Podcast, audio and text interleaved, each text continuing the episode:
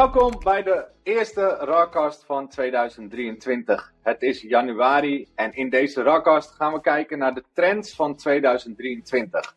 Dus wat gaat er belangrijk worden voor jou in 2023? Met mij is uh, Martijn, partner bij Rawworks, en Edwin Kruijbos, uh, sales consultant uh, bij Rawworks. En ja, dat zijn de mensen die alle twee ook heel veel bij de klant lopen, heel veel met klanten in gesprek zijn. Ikzelf ook. En hopelijk uh, kunnen we met z'n drie een beetje uitvogelen wat, uh, wat belangrijk gaat worden voor 2023. Martijn, jij, uh, ik weet dat jij afgelopen tijd heel veel ook bezig bent geweest met, met workshops en met toekomstvisies met klanten. Ehm, denk je dat het in 2023 doorgaat? Kan je daar wat over vertellen? Ja, zeker. Leuk. Um, ik denk dat het sowieso leuk is om, om vandaag wat meer te vertellen wat, wat we in 2023 sowieso aan, uh, aan trends zien. Maar als je even teruggaat in de tijd, uh, twee, drie jaar geleden, toen wij uh, maar de markt ook op gingen, omdat we heel veel mogelijkheden zagen om sneller en slimmer te werken. Bijvoorbeeld door workflow automations, door het inzetten van portalen, bijvoorbeeld voor de, voor de gebruikers en voor de klanten. Maar ook ja, eigenlijk de, kracht van de cloud, de kracht van digitale platforms, hoe dat samenkomt en convergeert. Ja, dat is echt wel iets waar we, waar we op door willen gaan. Dus uh, vandaag wil ik het eigenlijk met name over vier topics hebben. Uh, eentje ligt heel erg op jouw gebied, eh, Chris, maar dat noemt uh, Gartner, om daar in de terminologie te blijven. De super apps. Wel interessant. Um, met Edwin ehm, veel bezig geweest ook uh, met, met, uh, met fabrikanten en de cloud providers rondom uh, industry specific clouds. Dat is echt de cloud speciaal voor bijvoorbeeld de healthcare industrie, finance industrie, et cetera. Heel interessant. Um, ja, we hebben het natuurlijk al een tijdje eigenlijk over AI. met ChatGPT word je inmiddels doodgegooid. Maar daaromheen ontstaan ook allerlei trends. Maar ja, hoe ga je die technologie nou inzetten? Microsoft is dat heel hard aan het integreren in hun cloud-platform en diensten. Dus dat is echt wel uh, AI voor de publiek. Ik, ik, las inderdaad er ook, uh, ook van alles in dat uh, ook alle andere, ik las Google wil ChatGPT gaan integreren automatisch en Microsoft wil er dingen mee doen in Azure en alles. Het loopt inderdaad heel hard met de AI, wordt denk ik dit jaar wel heel populair. Precies, en daaromheen hebben we iets wat, um, wat ze dan noemen AI-trism. Dus het gaat dan eigenlijk over AI en dan uh, zeg maar de trust, risk en security kant. Van uh, hoe ga je dat dan inzetten en wat, wat is eigenlijk uh, toegestaan? Wat, wat willen we, wat vinden we ethisch? Maar ook wat is er allemaal mogelijk. Dat is wel heel interessant. Dus ja, dit, dat is eigenlijk de major topic wat mij betreft. volgens mij kan Edwin ons heel erg meenemen in, in de industry-specific clouds. En in de, ja, vooral in de workshops die, die Edwin geeft. Edwin, kan jij wat, wat meer vertellen over wat jij bij klanten hebt gezien de afgelopen tijd? Zeker. Wat, wat wij hebben gedaan de afgelopen periode is eigenlijk een stip op de horizon zetten. Uh, de, de toekomstvisie uittekenen met klanten. Uh, en vanuit die toekomstvisie terugredeneren naar over vijf jaar en uh, komend jaar. En op het moment dat je dat gaat doen, dan zie je dat er een heleboel zaken die uh, nu als silo worden gezien, eigenlijk gewoon in een, in een platformgedachte uh, plaats kunnen gaan nemen. Hè. Uh, denk aan de waterschappen, denk aan de zorg, denk aan de veiligheidsregio's. Denk aan de gemeente smart city concepten. En dus als je platformgedachte gaat doorvoeren naar ik wil ergens daar in de toekomst uitkomen, dan zou je eigenlijk nu al moeten beginnen met die gedachten en al die silo's gaan, gaan neerzetten om slimme dingen te kunnen gaan doen met die data. Oké, dus bij die platformen dan bedoel je dus plekken waarin die data eigenlijk samen gaat komen, waarin, dus, hè, waarin het dus meer gaat betekenen voor, voor bijvoorbeeld een ziekenhuis. Ja, uh, medical IoT, IoT in zijn algemeenheid, de OT aan de industriekant, hè, al die soort zaken, daar, dat zijn natuurlijk van die hippe mooie termen. Maar als je er feitelijk over gaat praten, dan is het eigenlijk de business value die je bij klanten gaat ga vertalen. En waar haal je de meeste waarde uit? Uh, informatie. Hè? Uh, uh, daadwerkelijk de beslissing kunnen nemen op werkelijke informatie in plaats van nou, onderbuikgevoel. Zijn we trouwens ook heel goed in hoor. Ja, dat, dat is wel grappig. Want ik, ik had ook een stuk gelezen over observability. Dat hoor je al best wel lang in de IT-kant voor, voor monitoring. Maar je ziet die observability van, van platform en data eigenlijk ook naar de business toe gaan, hè? Ja. En daar was je natuurlijk ook vrij druk mee de afgelopen tijd. Van hoe krijg je nou die, die dataplatformen bij die klanten? Uh, waarin ze die data kunnen gaan consolideren, waarin ze dus observability kunnen gaan doen voor de business. Ja. Maar wat, wat ik ook wel heel interessant vond, en Chris, even naar jou. Jij bent natuurlijk al een paar jaar bezig met wat wij one-click noemen. Uh, ik denk niet dat iedereen hier uh, luisteraars weten wat one-click is, maar dat super apps verhaal van uh, waar Gartner nu ook mee, uh, mee komt voor 2023. Wat, kan je daar wat meer over vertellen? Want volgens mij zag jij dit al een beetje aankomen. ja, nou ja, um, wat wij op de werkvloer tegenwoordig nog altijd heel veel doen, is heel veel switchen tussen applicaties. En iets waar wij bij Rawworks heel erg in geloven is natuurlijk het gedeelte, uh, het one-click stuk. Waarin we dus één taak uit een applicatie halen of één workflow eigenlijk meer moet je zien uit een applicatie kunnen halen en die op een andere plek kunnen aanbieden. Waardoor eigenlijk uh, ja, je, je apps met elkaar kan gaan laten versmelten. En uiteindelijk zou je tot een punt kunnen komen, en dat is waar Gardner ook nu naartoe wijst, uh, dat je eigenlijk één grote app nog overhoudt. Eén super app waarin je dan daaronder uh, al je workflows misschien uit andere apps ook weer hebt. Wij probeerden dat zelf, dat is niet helemaal een directe vertaling natuurlijk van een super app, maar wij probeerden dat zelf bij Rawworks heel erg te doen met werken bijvoorbeeld vanuit een portaalgedachte. Dus hè, je hebt één portaal, dat is je ene app. Dat zou je bijna kunnen labelen als een super app. En daarbinnen kan je dus bij alle data van het bedrijf en bij al je andere applicaties. Alleen nu wat wij nog doen is, op het moment dat je op een andere applicatie binnen het portaal klikt, dan start die andere applicatie weer op. Ben je weer aan het switchen. En uiteindelijk wil je eigenlijk al die functionaliteiten terugbrengen naar die hoofdapp. Bij ons misschien een portaal. En je kan het een beetje vergelijken ook bijvoorbeeld met Facebook. Je kan, in Facebook heb je de Messenger, maar je hebt ook een foto-app, je hebt een video-app, je hebt een marketplace-app tegenwoordig. Hè? Dus je hebt marktplaats zit erin. Uh, je, je, hebt, je hebt natuurlijk de forums, je hebt je tijdlijn. Het is zoveel, het is zo complex. Het, het is allesomvattend. En dat gaat, kan zich dus ook gaan vertalen ja, en, naar uh, je werk. Hè? Dus werken vanuit die plek. Die, die, die super apps, hè, wij, wij noemen dat wel eens micro apps. En dat is eigenlijk, micro super klinkt een beetje tegenstrijdig, maar ja, eigenlijk het combineren van verschillende kleinere functies. Um, En dat aanbieden aan klanten, maar ook medewerkers van bedrijven om sneller en slimmer te werken. Maar waarom komt Gartner nu ineens dan met super apps? Want dat is weer een, uh, ja, weer een nieuw buzzword, hè, wat je in die T vaak ziet. Ze hebben het dan over de super app en de mini apps. Maar wat, wat is daar dan zo nieuw aan? En wat maakt het dan mogelijk? Want dat komt toch al uh, vijf jaar geleden bij. Ja, dat, dat weet ik eigenlijk ook niet. Dat is een hele goede vraag. Kijk, ik denk, uh, we, inderdaad, hè, we hebben heel erg gezien richting het micro-apps, micro-apps uh, en mini-apps en, en power-apps en uh, alles wat low en no-code is. Dus ofwel ja. maak workflows heel compact, ga ze automatiseren, haal ze los uit applicaties of maak workflows die applicaties overstijgen.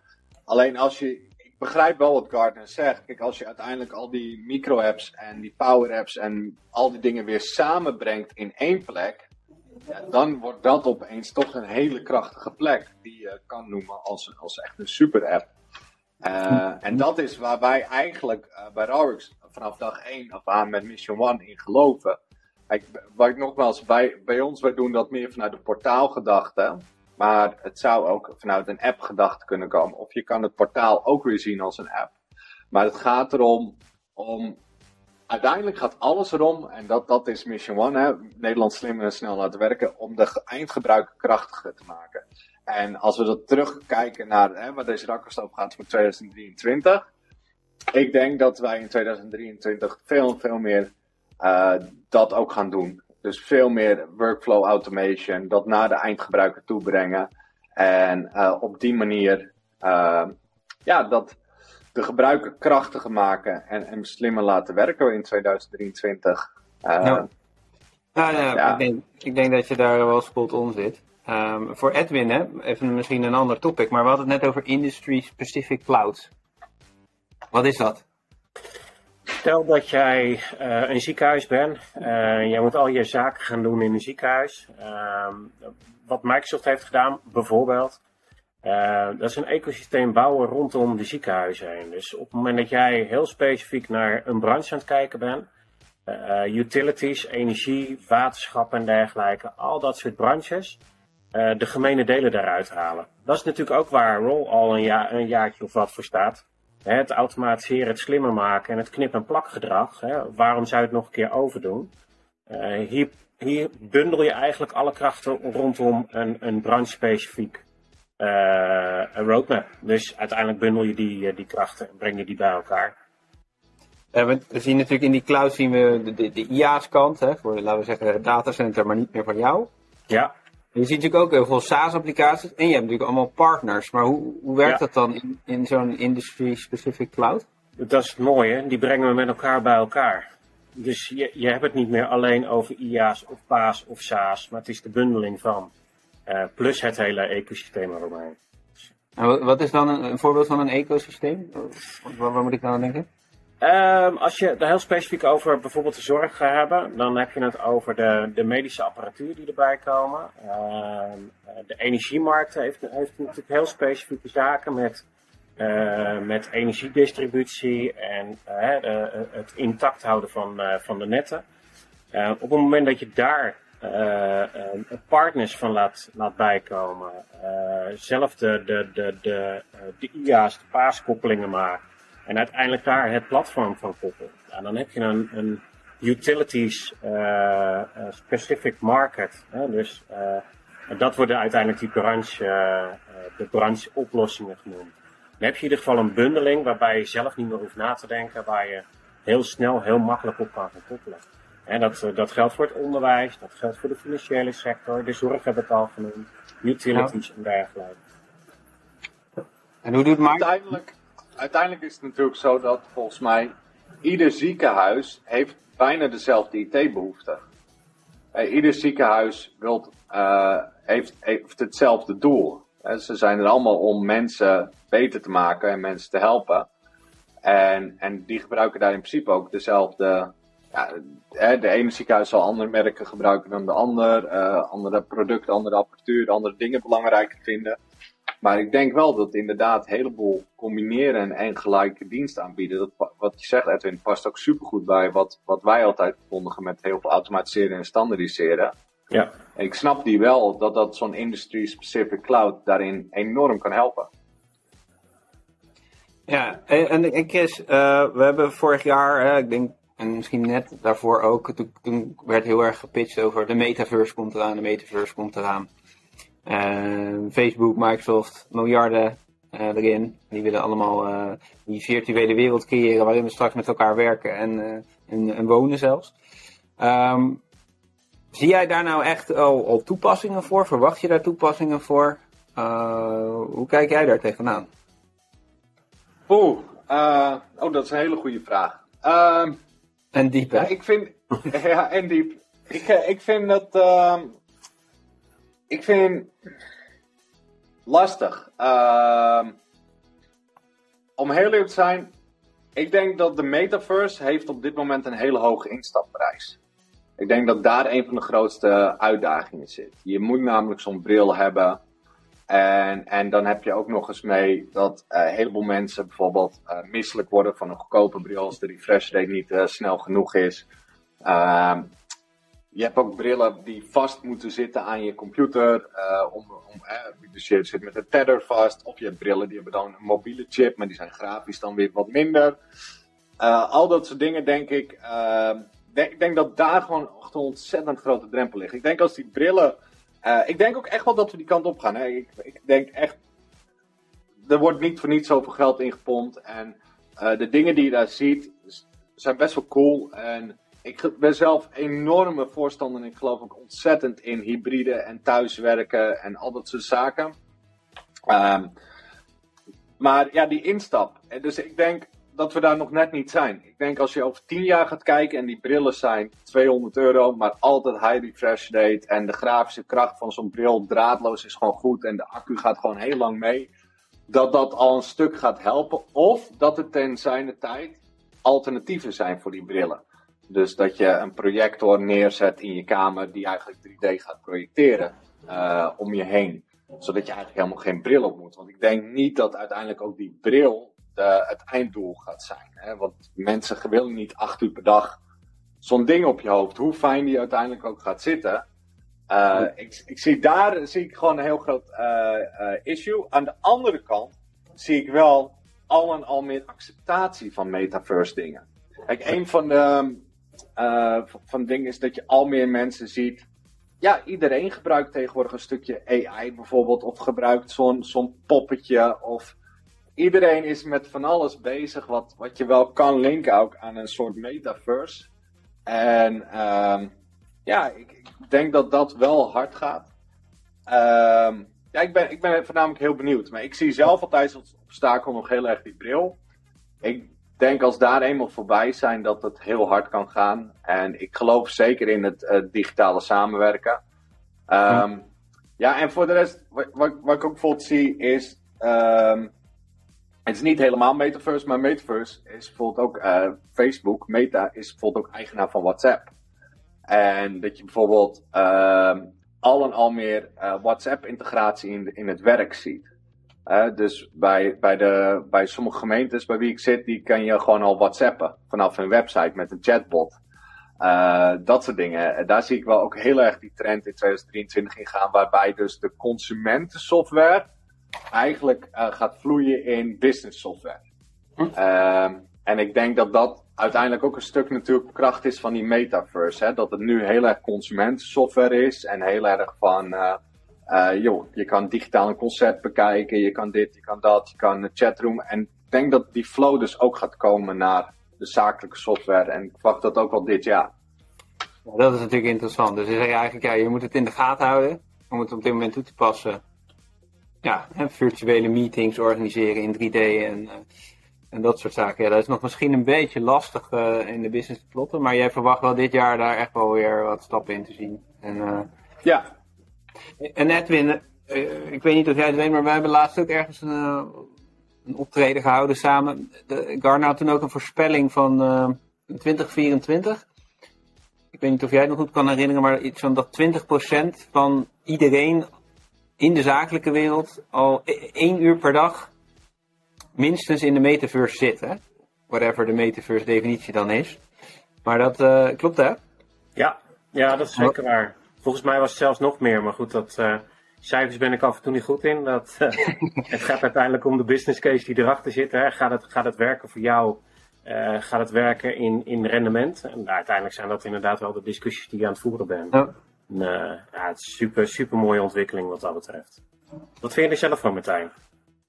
Nou ja, ik zie het inderdaad hetzelfde als jullie. Van nou, hoe ga je dat nou toepassen? Dus wij, hè, ook bij Rollers geloven heel erg in, in de mogelijkheden die, uh, die ook komen als digitale ja. technologie samensmelten. En, en Metaverse daar een voorbeeld van. Uh, ja, dus ik denk kleine stapjes zetten. Uh, Microsoft komt bijvoorbeeld met, met Teams, waar je ook virtual reality kan uh, gaan meeten straks. Weet je, dat dat nu allemaal in, in, in, review. Maar dat komt wel dit jaar, denk ik. En dan, ja, dan wordt het toch wel meer toepasbaar. Ja. En wat Chris ook zei, hè, die adoptie en de acceptatie, um, die groeit ook. Bijvoorbeeld dat chat Uh, dat, daar zit gewoon, iedereen zit daarmee te spelen. Ja. Elke leeftijdsgroep, ja. Uh, elke industrie. Ja. en wat doe je er nu mee? Ja, dat is nog vrij beperkt. Maar als je daarover nadenkt van wow, wat biedt dit? ja, en, da en da daarop denk ik ook dat voor de toekomst wordt het, en ik, dat heeft ook misschien al dit jaar, maar ik denk dat voor de toekomst wordt het het belangrijkste. Wie kan het beste de AI manipuleren? Wie kan de beste input geven in die AI? Ik denk dat we daar nu uh, op de drempel zijn met de mensen. Hè? Wat, er wordt nu heel veel gesproken over bijvoorbeeld, ja, uh, AI-kunst. Is dat echt kunst en van wie is dat?